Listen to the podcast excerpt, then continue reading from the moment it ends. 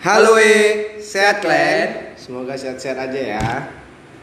Jadi malam ini kami mau cakap-cakap nih sama dua narasumber. Kalian kenalkan, nama aku Immanuel. Namaku Franz. Jadi Franz, kayak mana kabar kau? Baik, Baik, kuliah kau? lancar, Lancar. Cewek-cewek sehat? sehat. Oke, sehat ya. Cewek-cewek sehat lah semuanya. Oh iya, cewek kau maksudku. Nggak ada. Nggak ada cewek ya? Nggak ada. Jadi kalian kalau yang jomblo-jomblo bisa nih ngechat abang Franz nih. kalau aku Franz, kuliahku lancar. Belum ada bertanya padahal. Nggak apa-apa, aku mau jawab aja. Gak usah ngelece. Oh iya iya. Kuliahku lancar. Aku juga biasanya selama libur ini main game aja aku. Hmm. Cewek aku nggak ada juga. Jadi kalau kalian mau ngechat aku bisa lah ya. Jual diri. Enggak sih, ngasih tahu aja ya kan. Udah lah ya Franz. Udah. Kita nih malam ini kedatangan udah sumber. Siapa tuh? Ada lah, satu Iya. tuh orang jauh dari Jogja. Oke. Tapi satu udah gabung sama kita. Kita suruh ya perkenalkan diri ya. Ya, suruh aja. Yuk buat narasumber bisa memperkenalkan diri. Halo guys, kenalin nama aku Sisil. Eh, aku bakalan jadi narasumber nih bareng mereka berdua dan narasumber satu lagi yang lain yang ada di Jogja itu. Dan stay tune aja ya guys. Makasih. Oke Sisil, makasih buat perkenalannya. Jadi Franz, tanpa lama-lama lagi kita telepon aja lah ya. Iya, Narasumber telepon kita yang kedua, oke? langsung. Oke.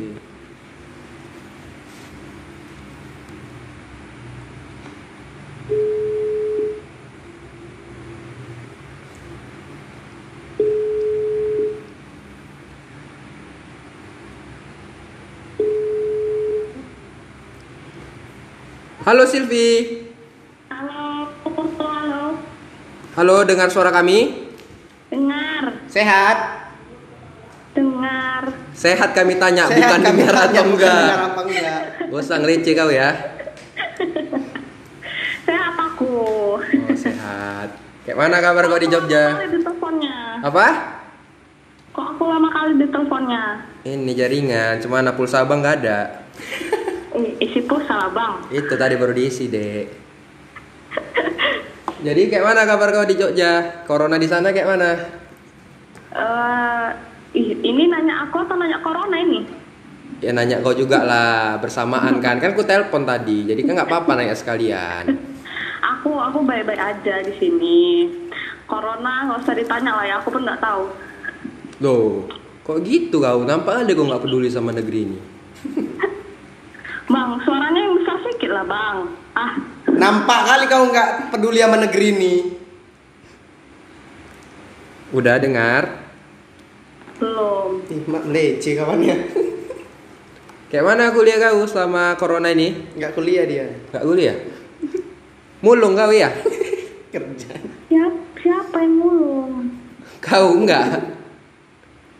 Siapa yang mulung? Kok sedih kali aku dengarnya. Oh enggak kuliah. Oh berarti kakak kuliah.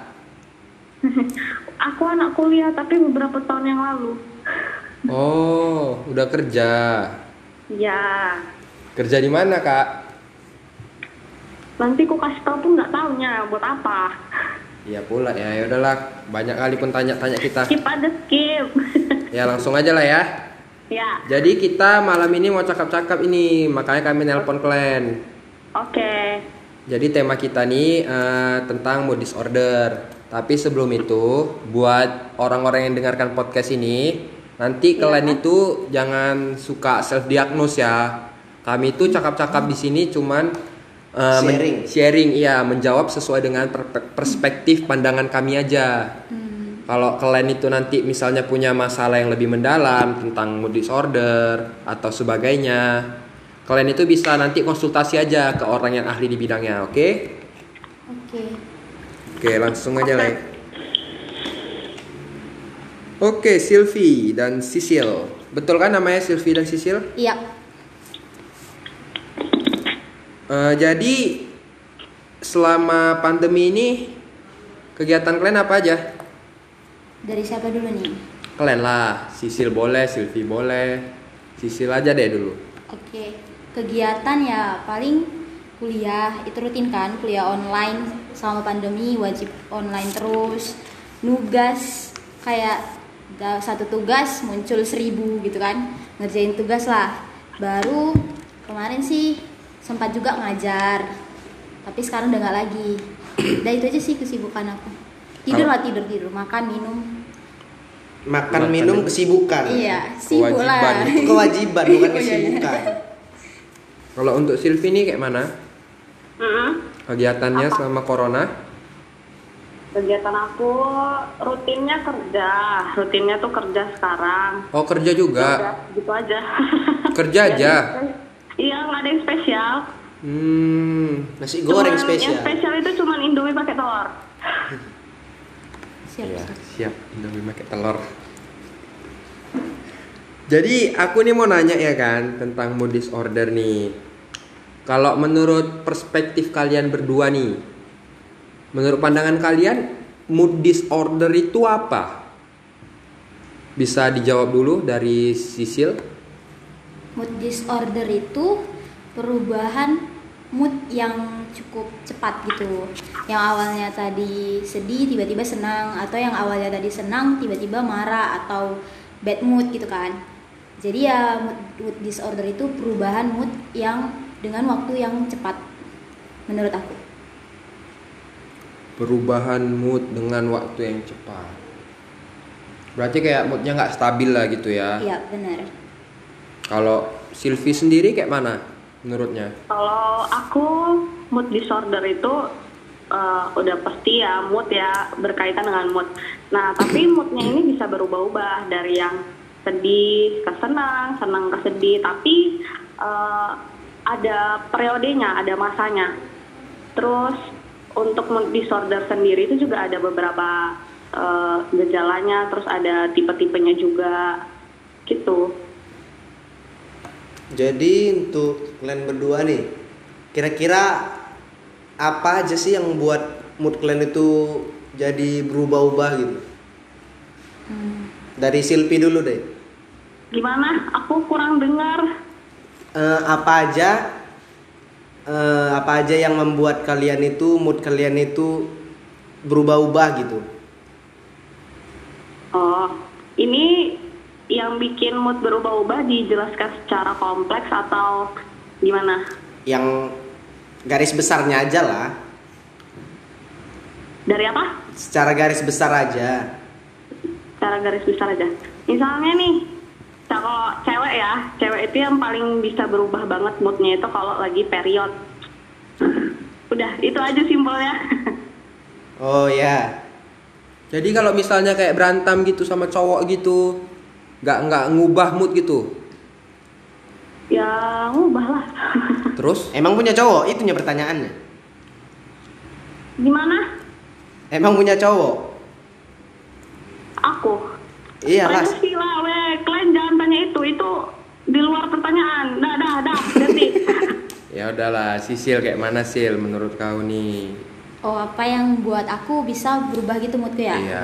Hmm, ya salah satunya pasti kalau wanita semua lah kayak PMS gitu kan. nah iya. selanjutnya biasanya sih sesuatu hal yang nggak mengenakan hati lah kayak kayak tiba-tiba dimarahin gitu loh. Kan udah misalnya sering kan tuh kalau anak cewek ngerjain tugas rumah itu sering. Terus tiba-tiba main HP baru main HP ini langsung dimarah-marahin. Kan sering bad mood juga gitu. Udah gitu aku paling sering lebih seringnya ke tugas sih. Udah begadang dari dari malam sampai jam 4 pagi. Rupanya besoknya salah disuruh ngulang kayak bad mood aja gitu. Biasanya itu sih perubahan-perubahan yang sering aku rasain. Karena itu aja Oke, banyak ya faktornya kalau Sisil ya, nggak kayak Silvi tadi sedikit ya. Memang otaknya yang kecil ya. Aku aku jadi merasa kelihatan mana yang pintar mana yang enggak. enggak Untung sadar diri ya. Iya, nampak dia Jangan kelihatan. gitu. Iya.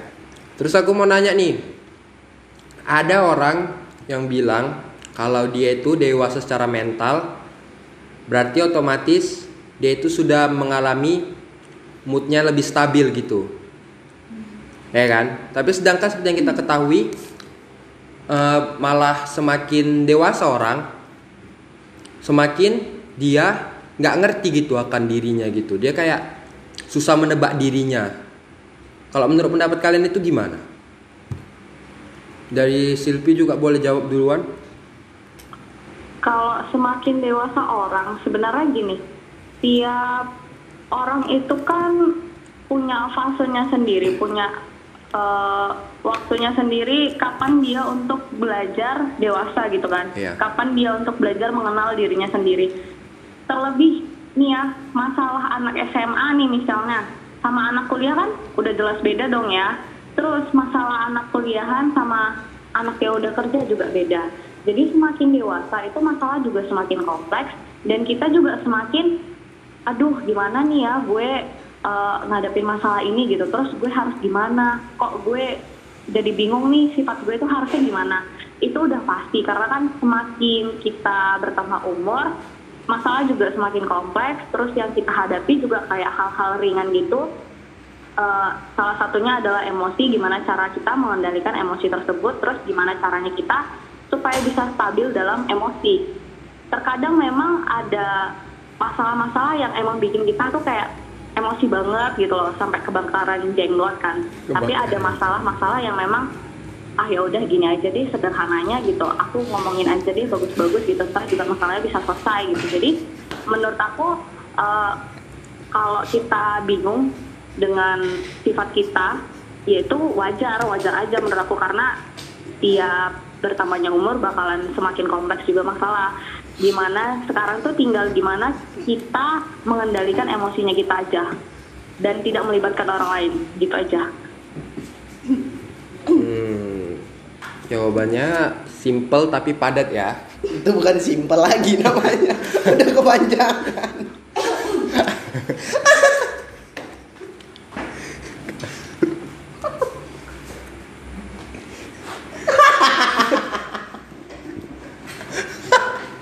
bentar bentar Kasil. Jangan dimatikan. Nanti dipotong, nanti dipotong aja. Oh, iya. Nanti dipotong. Tunggu. Nanti dipotong. Bentar bentar. Weh, suaranya berdengung-berdengung weh Iya bentar bentar. Ada iklan tadi. Nanti dipotong ya buat yang mendengarkan dipotong ya tolong bagian ini ya. Potong ya.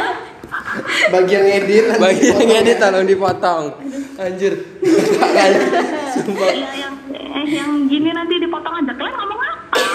Bang Tirto tadi masuk. Bang Tirto masuk ngendap-ngendap sem pencuri. Kami ngakak anjir.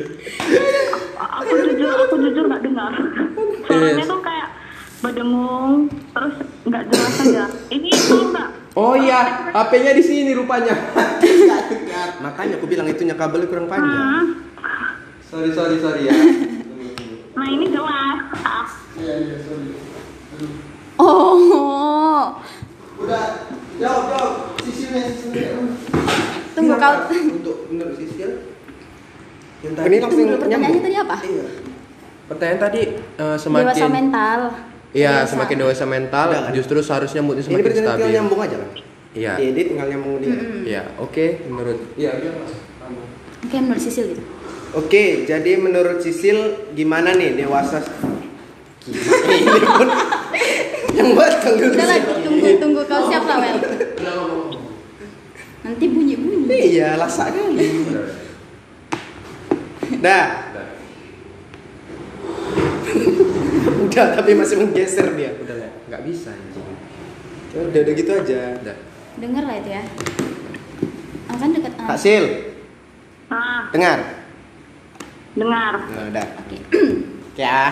Three, two, one, close the door. suara suara pas kecil kali tapi cuman suara Noel yang besar Iya, nanti- suara Cicil juga kecil kali Iya jauh kita kak. Jauh kak, nggak bisa kak, colokannya pendek. hah Colokan speakernya pendek. Untuk ini, untuk HP.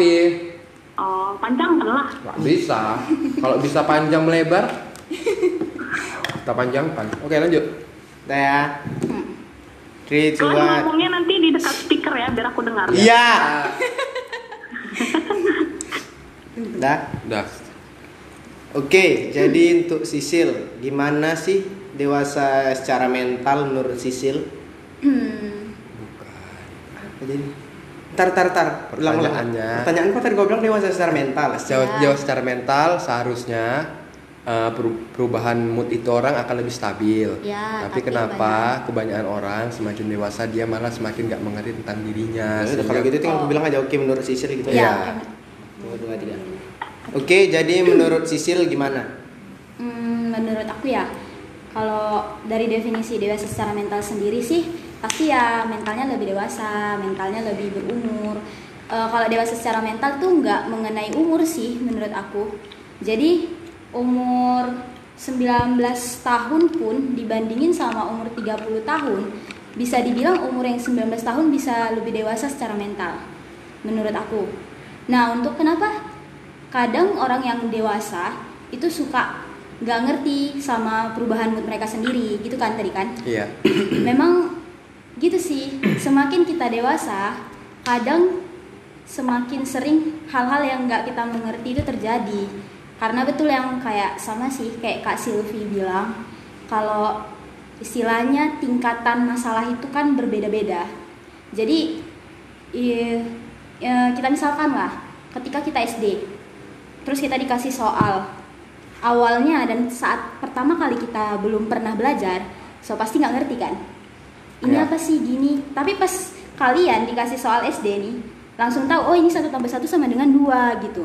Nah begitupun posisinya saat kita yang dewasa ini. Jadi ketika dikasih masalah ini masalah baru masalah di periode saat dewasa masalah baru yang kalian lihat jadi pas waktu dateng nih nggak ngerti. Iya aku nggak ngerti nih kenapa. Iya aku nggak ngerti nih kenapa hatiku bisa kayak gini. Karena itu baru untuk kamu belum kamu lewati. Nah itulah hal yang baru itu yang kadang nggak kita mengerti bakalan jadi pembelajaran sehingga membuat seseorang itu jadi dewasa secara mental. Menurut aku sih kayak gitu. Nah, menarik nih jawaban dari Sisil kan. Terus aku ini ada pertanyaan lagi nih. Ini pertanyaan mungkin eh, sebagian dari pendengar juga pernah merasakan ya mungkin ya. Ya. Gimana nih pendapat Sisil sama Silvi mengenai orang-orang yang dia itu terkadang melampiaskan kekesalannya kepada orang lain gitu. hmm Nah, kan pasti ada gitu kan Eh, misalnya kita ini lagi duduk nih tiba-tiba kawan-kawan kita datang marah-marah nih sama kita padahal kita nggak tahu apa-apa gitu kan pasti kita kesal nengoknya kadang. Jadi menurut pendapat kalian kenapa sih mereka itu kayak gitu? Apa penyebabnya gitu? Dan bagaimana tanggapan kalian mengenai hal tersebut? Dari Silvi bisa lo jawab kayak dulu. gitu ya? Lo kayak gitu ya Noel? Enggak sih. Kalau aku biasanya sih ke pacar aku. Kalau aku ada pacar. Oh, kalau nggak ada kayak mana itu? Kalau Berarti nggak kalau nggak ada aku sama cowok. Cowok cowok. Jangan nampak-nampak dengan orang. Eh, mengaku secara nggak langsung kalau lo tuh jomblo sebenarnya ya? Iya bisa nanti di DM ya nanti. Promosi. Oke langsung aja jawab pertanyaannya ya. Ya udah ya udah oke gue jawab. Eh, kalau orang melampiasin amarahnya ke orang lain itu udah pasti salah salah ya. Yang bilang bener itu siapa? Kasih tau gue. Nggak ada sih sebenarnya nggak ada yang bilang bener faktornya itu bisa macam-macam. Misalnya nih dari pekerjaan bisa terus misalnya ada dia masalah di kampus juga bisa. Faktor keluarga biasa lebih besar kan efeknya. Terus faktor pacar juga bisa faktor teman juga bisa. Macam-macam sih faktornya. Tapi sekarang itu tinggal gimana kita eh, sebagai korban misalnya nih ya nanggepin si orang yang marah-marah sama kita kalau Hmm. aku di posisi si korban pasti kan mikirnya gini kenapa sih nih orang marah-marah sama gue? Gue nggak tahu apa-apa. Ini orang gila kali ya gitu. Pasti gitu kan mikirnya. Misalnya nih pacarku marah-marah gitu ke aku tapi aku nggak tahu sebabnya kenapa gitu kan. Pasti aku aku udah otomatis mikirnya kayak gitu kan. Ini orang gila nih. Gue nggak tahu apa-apa nih dia marah nih sama gue gitu kan. Terus yang bisa gue eh, lakukan sebagai korban gue bakalan nanya bagus-bagus kenapa gitu kan coba cerita. Nanti kalau misalnya dia udah cerita gitu kan terus pasti di endingnya bakalan bilang kalau untuk marah-marah karena ada sesuatu hal itu nggak baik apalagi melampiaskan eh, hal tersebut ke orang lain gitu. Itu bukan eh, perilaku yang baik gitu. Ibaratnya kita juga belajar attitude sopan santun juga kan. Iya, nah itu memang nggak bagus. Segala sesuatu yang berkaitan dengan emosi yang berlebihan itu nggak bagus. Ya senang juga yang terlalu berlebihan juga nggak bagus marah juga yang berlebihan nggak bagus sedih yang berlebihan juga nggak bagus. Intinya balik lagi ke diri sendiri gimana sih cara belajar mengendalikan emosi yang baik yang benar gitu loh. Yang tidak terlalu over gitu. Apa menjawab pertanyaannya? Hmm. Berarti eh, di sini juga kita harus bisa sabar juga ya, memahami juga ya kan. iya sebagai korban loh ya Iya sebagai korban juga harus sabar, memahami. Kalau bisa ditanya juga ya kan, jangan langsung sama-sama marah ya kan. Oh, iya benar Kalau gitu nanti kan ujung-ujungnya juga kesalahpahaman, jadi lebih luas masalahnya. Ah. Ya, misalnya misal kita yang dijadiin marah-marah gitu misalnya kita yang sebagai korbannya gitu kan kalau kita orangnya yang eh, gampang sakit hati kan parah banget jadinya kan Iya. melihat aduh dia Jadi- emosi uh ya udah deh Jadi dendam ya kan. Ah, ah, dendam Iya betul betul. Ya untuk Sisil nih gimana tanggapannya? Hmm, tanggapan ya? Oh, Ya. aku sedikit cerita kali ya. Kalau Kak Silvi kan tadi si sudut pandang sebagai korban. Nah, mungkin aku sudut pandang sebagai yang melakukan. Eh, Oh. Iya pernah. Oh pernah melakukan? Iya jujur aja pernah waktu Wah. waktu sekolah sih. Waktu SMA tuh kelas-kelas 2 SMA sih kalau nggak salah. Pas 2 SMA tuh aku ngelakuin sama sahabat aku. Jadi singkatnya dia dia nyembunyiin buku bahasa Inggrisku gitu. Nah, aku tuh posisinya lagi bad mood, bad mood karena capek, lelah gitu kan. Disuruh-suruh guru lah digini-giniin. Jadi bad mood aja gitu. Nah, karena aku kesel, hatiku nggak enak.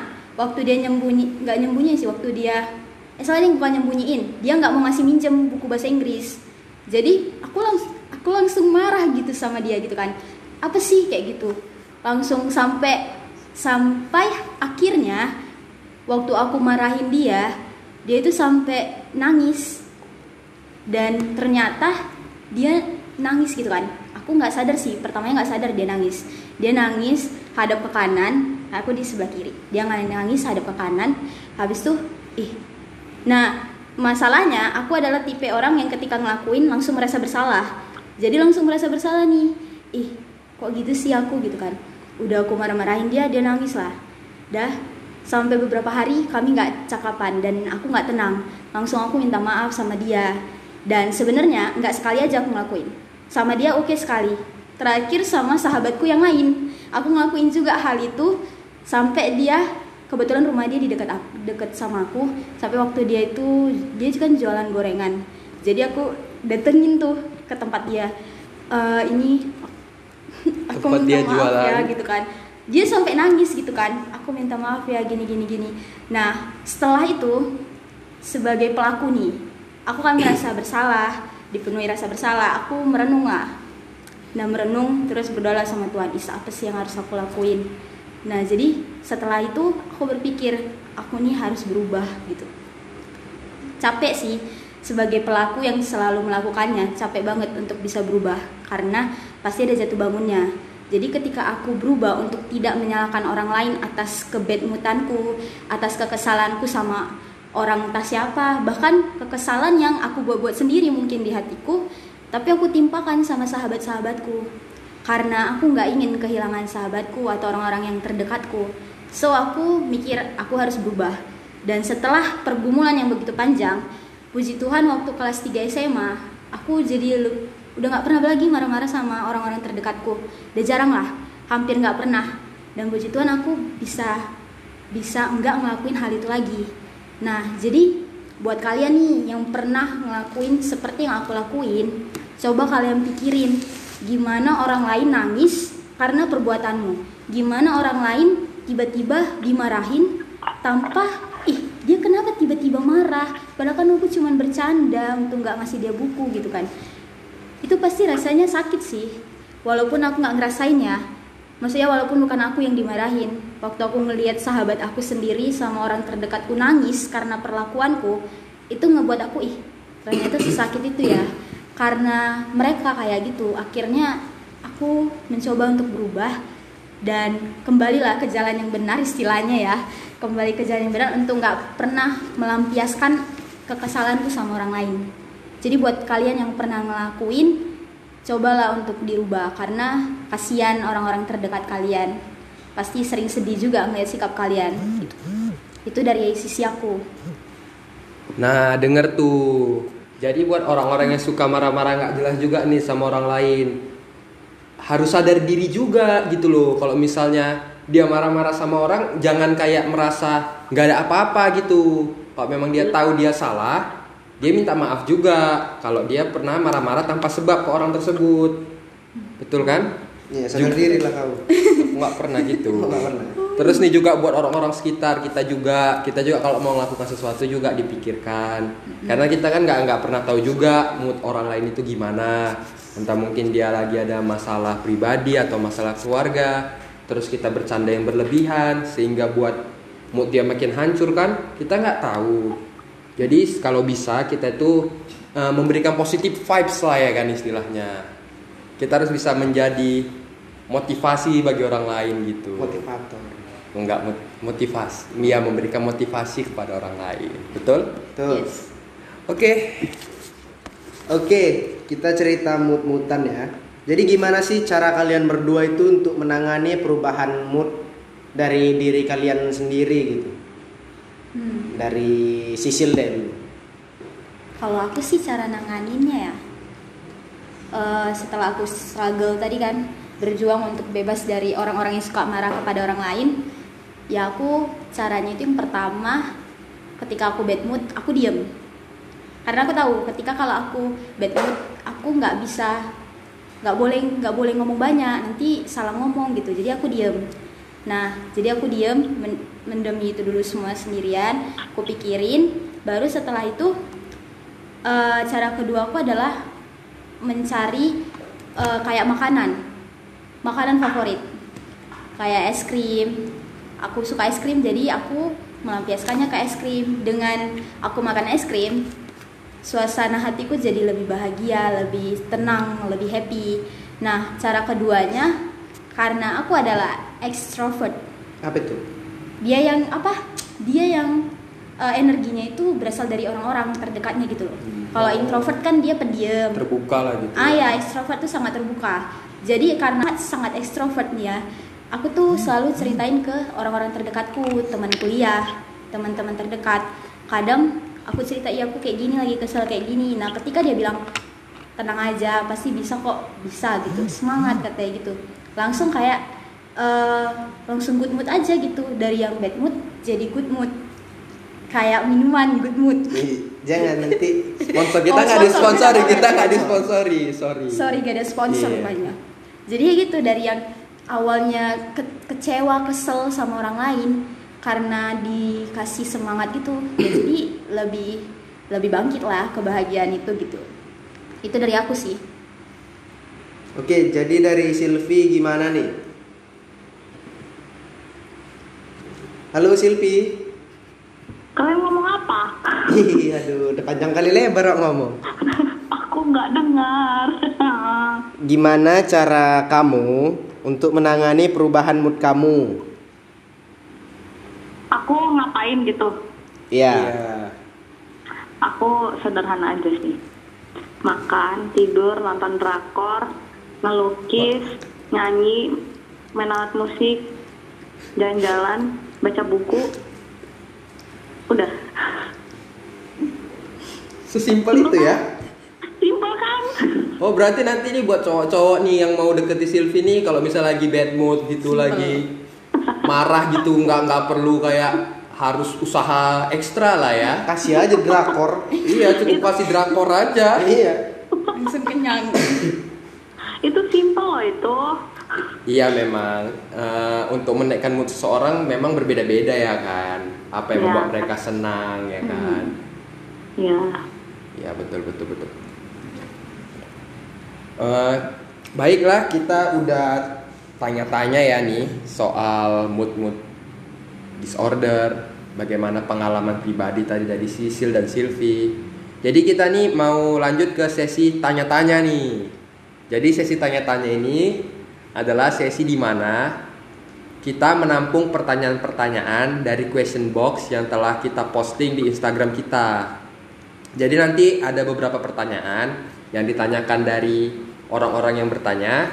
Nanti harap dijawab oleh Sisil dan Silvi dengan jujur ya. Oke. Oke.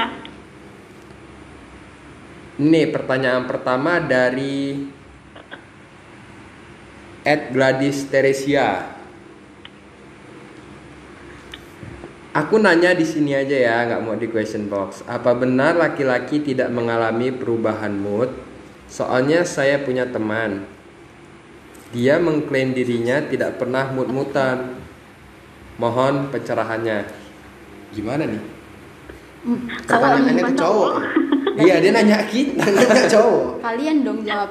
Kayak mana? Kau mau jawab duluan, Frans? Apa Ya. tadi pertanyaannya? Apa dari, benar? dari kalian dulu dong, dari kalian dulu. Iya, apa benar laki-laki tidak mengalami perubahan mood? Kayak mana? Terus soalnya Soalnya dia punya teman, dia mengklaim kalau temannya ini nggak pernah mut-mutan. Kayak mana menurutmu? Jawab, jawab. kalau dari sudut pandangku ya, Iya. kalau dari aku nggak ada sih orang yang nggak ada mut-mutan kayak gitu. Rasaku semua orang tuh pasti pernah mut-mutan. Ya mungkin nggak tahu dari sisi temannya itu mungkin mengklaim dirinya itu nggak pernah mut-mutan. Memang mungkin dia setiap hari seneng kali duitnya banyak kan kita nggak tahu. Bahagia kan? ya, bersyukur. bersyukur. Kalau aku kalau ada masalah dikit aja udah pasti langsung nggak mood sih walaupun masalahnya masalah kecil gitu Berarti mengalami perubahan mood juga ya? pasti dan itu kurasa setiap hari lah pasti minimal sekali atau dua kali gitu Ya, kalau ada lagi? udah itu aja lah Kalau dari aku sih sebenarnya laki-laki itu mengalami perubahan mood juga. Cuman eh, biasanya itu laki-laki itu kalau misalnya dia lagi moodnya nggak enak atau lagi kecewa gitu, biasanya dia lebih milih diem sih ya kan. atau bicara sama dirinya sendiri gitu. Iya biasanya. Atau biasanya kalau misalnya dia ada masalah dia tuh langsung menyelesaikan biasanya. Dia lebih memilih eh, bertindak langsung menyelesaikan masalah tersebut dibandingkan dia bicara sama orang lain. Karena pada dasarnya ya laki-laki itu berpikir eh, kalau dia bicara sama orang lain belum tentu orang orang lain itu bakal membantu dia gitu jadi lebih baik kalau memang seandainya dia bisa menyelesaikan sendiri, dia bakal selesaikan. Dan atau kalau seandainya dia memang harus cerita ke orang lain, dia itu paling hanya memilih sahabat-sahabat terdekatnya aja, kayak gitu.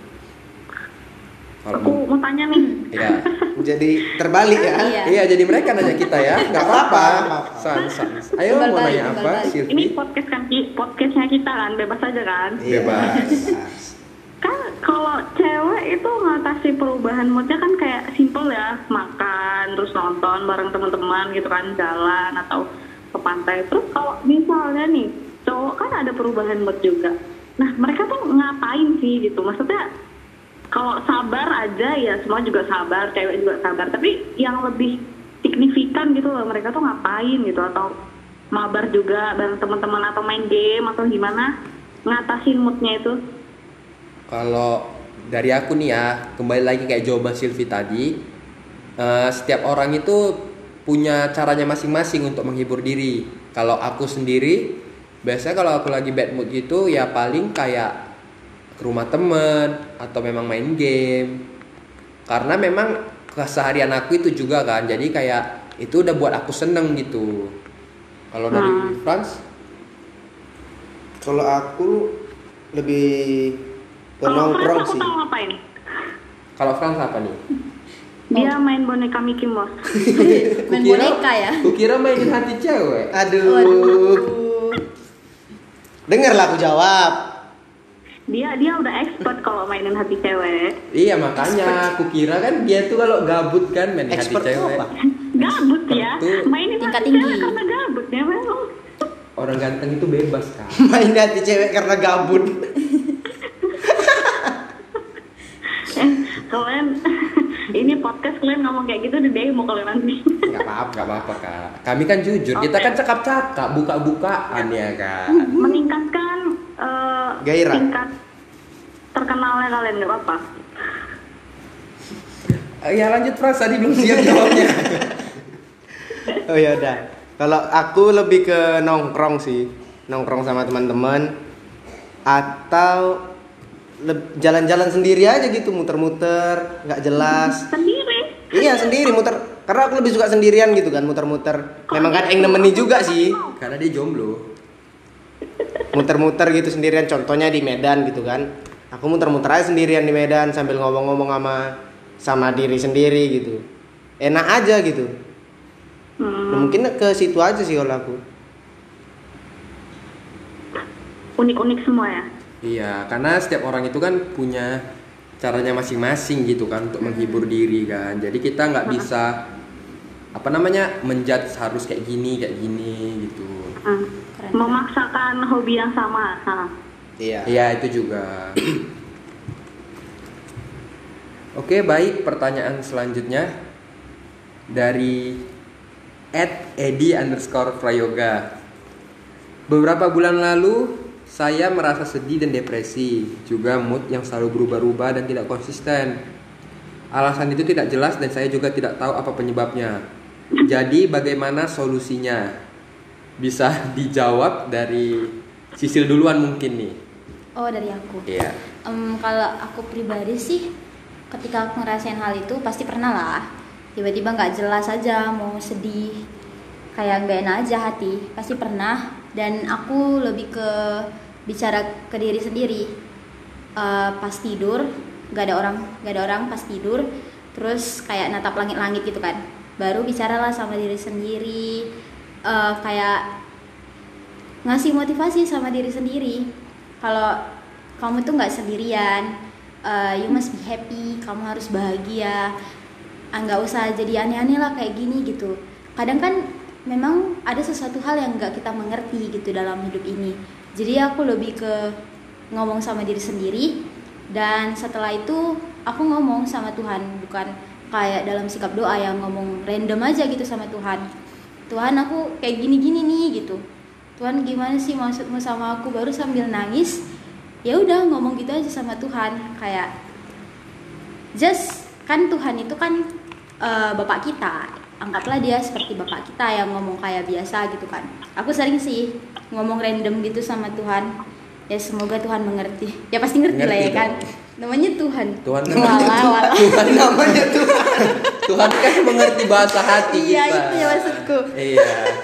itulah dia pokoknya eh, ngomong sama diri kamu mungkin ada sesuatu hal yang nggak kita mengerti dari diri kita. Dan ketika kita udah ngomong sama diri kita sendiri coba ngomong sama Tuhan. Walau ya ya dalam dalam mata telanjang ya kita nggak bisa lihat Tuhan.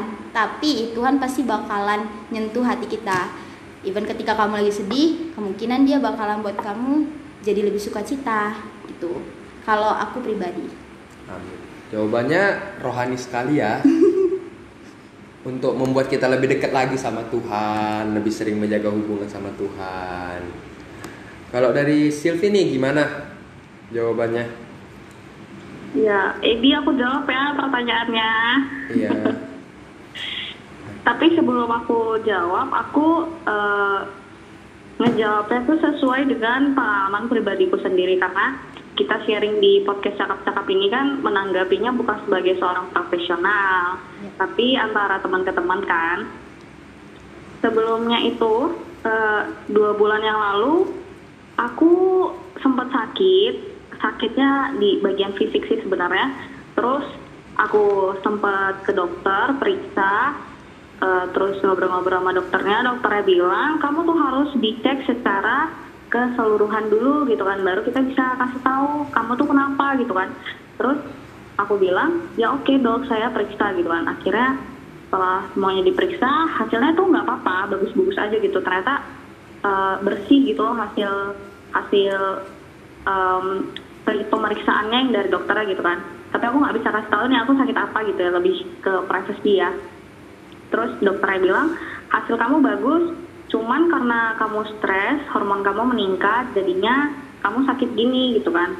Eh, karena hasilnya bagus em, kita kan udah sepakat nih dari awal kalau misalnya hasilnya nggak bagus kamu saya rujuk ke ke spesialisnya. Tapi kalau misalnya hasilnya bagus kamu saya rujuk ke psikolog gitu kan. Karena memang kamu diagnosis saya dari awal emang kamu stres gitu kan. Terus tanpa pikir panjang lagi aku langsung bilang ya udah dok saya nggak apa-apa dirujuk ke psikolog gitu.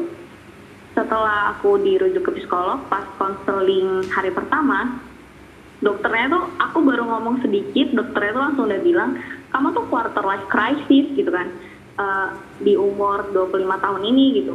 Terus aku tuh langsung mikir eh, iya sih dok emang iya gitu kan Eh, aku juga ngerasa kalau aku tuh punya gejala quarter life crisis cuman aku nggak mau mendiagnosis diriku sendiri. Aku harus didiagnosis sama yang lebih ahli gitu kan. Terus dokternya kasih saran tentang eh, gimana sih cara menanggapi quarter life crisis itu gimana sih supaya kamu tuh nggak terlalu ngedrop banget kamu ada di titik terendah jangan sampai kamu tuh lebih jatuh terlalu dalam gitu kan ya akhirnya aku konseling aku get help. Akhirnya ya lumayan sih sekarang aku ngerasanya gitu kan. Jadi kalau misalnya nih mood kita berubah-ubah atau kita ngerasa stres banget terus tiba-tiba sedih terus tiba-tiba senang nggak tahu perasaan kita tuh campur aduk sebenarnya.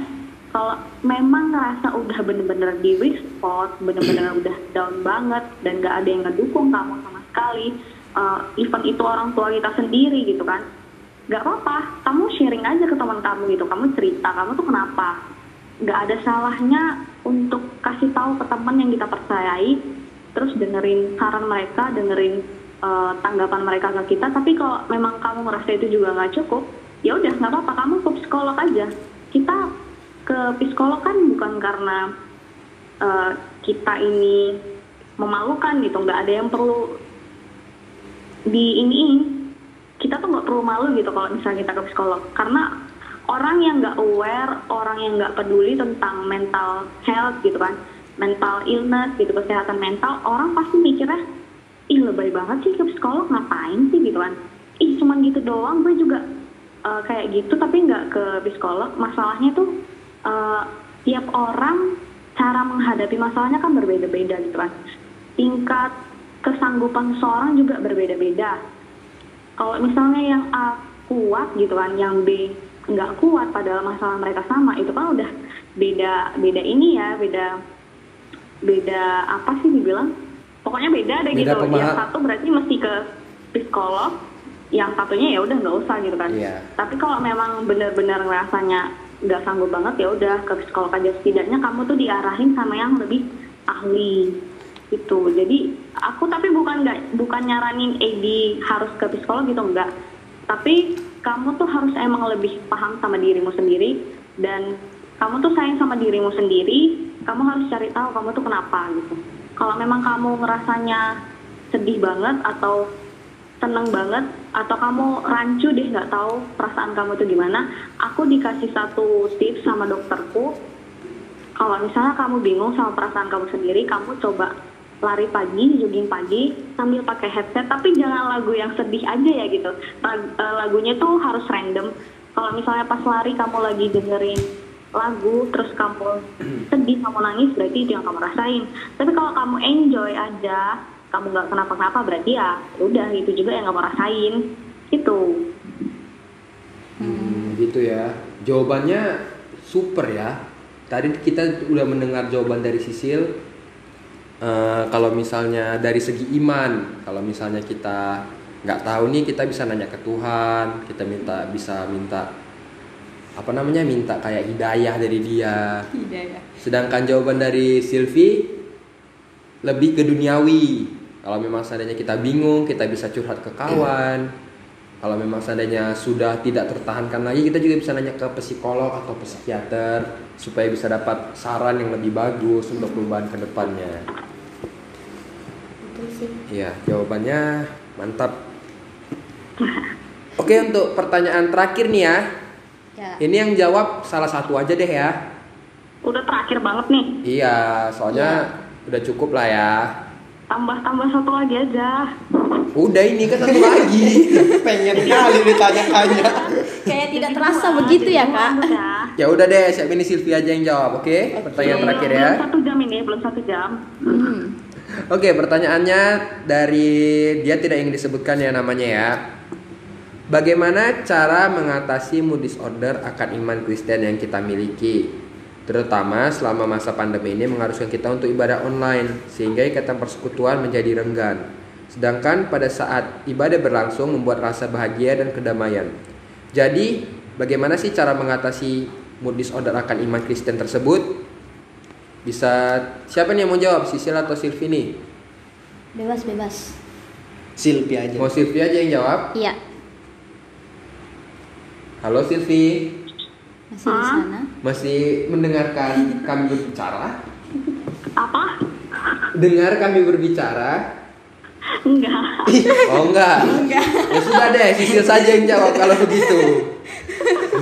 Oke, Sisil Oke, Sisil, silakan. silakan menjawab Kalian ngomongin apa sih? Enggak, enggak ada kok. Enggak, kami enggak ngomong. Enggak ngomong apa-apa. Kami kami itu ikan.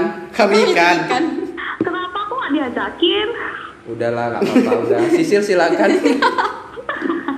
Nanti kasih kasih aku pertanyaan satu lagi ya. Iya. Nanti kita chattingan berdua deh.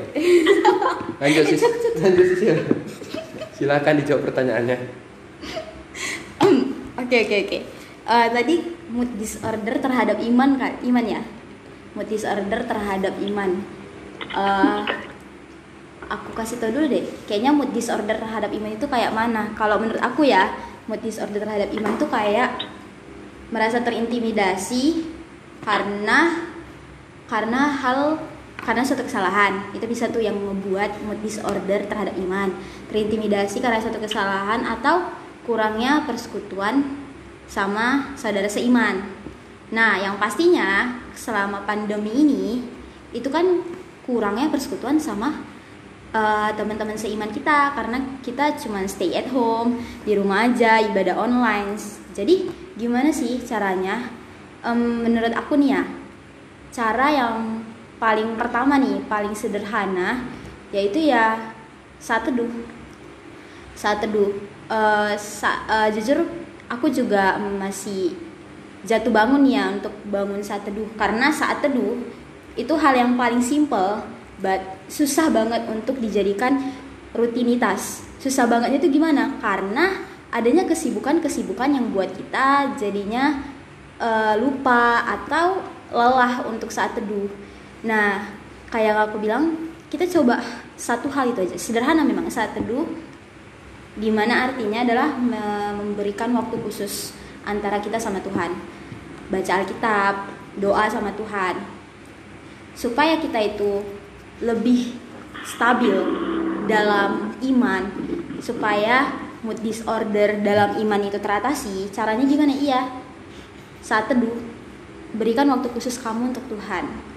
Em, even ketika kamu pengen nangis ya udah nangis aja sama Tuhan. Tuhan tahu kok apa isi hati kamu. Dan Tuhan bakalan nerima kamu apa pun yang telah kamu lakuin apa pun yang udah terjadi dalam hidup kamu Tuhan selalu nerima kamu. Jadi cara yang eh, maybe mungkin ampuh lah bisa dibilang ampuh sederhana tapi sulit banget untuk bisa rutin sulit banget untuk bisa eh, apa ya namanya disiplin. Ya disiplin. Saat teduh itu susah banget untuk disiplin. Misalnya nih hari ini saat teduh bisa-bisa besok ada godaan setan atau mungkin eh, kemalasan kita sendiri karena kelelahan. Pasti capek kerja kan capek kuliah. Apalagi begadang ngerjain tugas begadang ngerjain kerjaan. Kan capek tuh. Yang buat kita nggak saat teduh lagi baru besoknya saat teduh lagi. Kan pasti bolong-bolong. Nah sebagai manusia pasti wajar lah kayak gitu.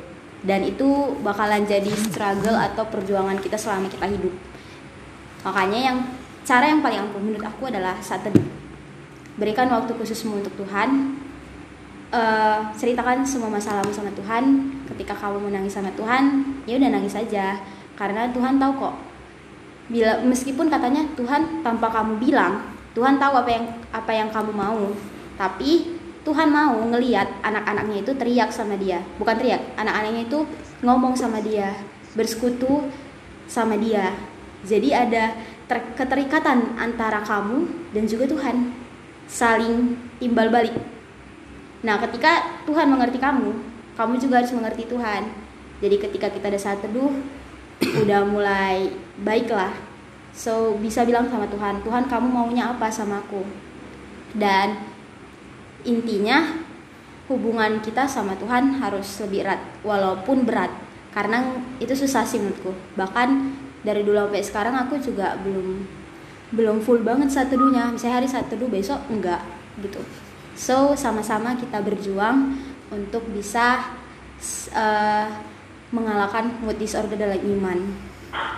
Semangat untuk kamu dan kita semua. Jadi intinya itu kita harus tetap saat teduh ya. Iya. memang betul saat teduh. Dan juga kita harus komitmen juga melakukannya walaupun memang kayak kata Sisil tadi kita bolong-bolong tapi kita juga harus komitmen dan wajib melakukan itu. Karena juga uh, ada firman Tuhan yang mengatakan uh, di mana dua atau tiga orang berkumpul memanggil namaku di situ aku aku akan hadir. Iya. jadi walaupun kita kayak ibadah di rumah sama keluarga cuman misalnya ayah atau ibu sama kita bertiga gitu kan. Tapi kalau memang kita itu ibadah dengan sungguh-sungguh kita berseru memanggil nama dia Tuhan juga ada kok di tengah-tengah ibadah itu benar-benar jadi bukan bukan berarti karena kita ibadah di rumah jadi Tuhan gak hadir. Tapi gimana cara kita untuk tetap mengimani setiap ibadah yang kita lakukan? lebih peka lah gitu Iya lebih peka juga akan Tuhan. Wah luar biasa sekali ya pembahasan kita malam ini Franz. Iya panjang ya. iya udah lama juga. Udah mau satu jam kita ngomong-ngomong seputar mood disorder. Ini BTW Ya? setelah selesai podcast bayaran aku langsung ditransfer kan? Iya bisa. rekening? oh iya Nanti DM aja nomor rekeningnya ya. Sama nomor rumah biar dibom. ngeri ya ngeri Iya. Terima kasih buat Silvi yang udah meluangkan waktunya. Mungkin udah capek ya pulang kerja ya kan. Harus. Enggak, aku tuh terlalu excited soalnya hostnya tuh ganteng-ganteng gitu loh. oh kalau itu usah ditanya sih. Iya. Jadi ya udahlah, makasih juga untuk Silvi dan Sisil udah mau cakap-cakap sama kita malam hari ini. Sama terima kasih juga untuk Noel yang udah bersedia untuk jadi host di sini. Kau juga makasih udah mau nemani aku. Nggak nemani sih sebenarnya karena disuruh aja. Iya, kewajiban. Kewajiban. Jadi eh, mungkin dari Noel ada nih sikit-sikit sepatah dua kata yang bisa dikasihkan untuk jadi motivasi ke pendengar, ke orang-orang gitu. Oke. Jadi aku ini ada quotes nih untuk kita semua, baik untuk narasumber maupun untuk pendengar. Quotesnya itu jangan jadikan moodmu sebagai acuan untuk putus asa menata masa depan, tetapi jadikan itu sebagai semangat untuk mencapai masa depan. Sekian cakap-cakap pada malam hari ini. Sampai jumpa di episode cakap-cakap selanjutnya. Terima, Terima kasih. kasih. Shalom. Yeay. Shalom. Shalom.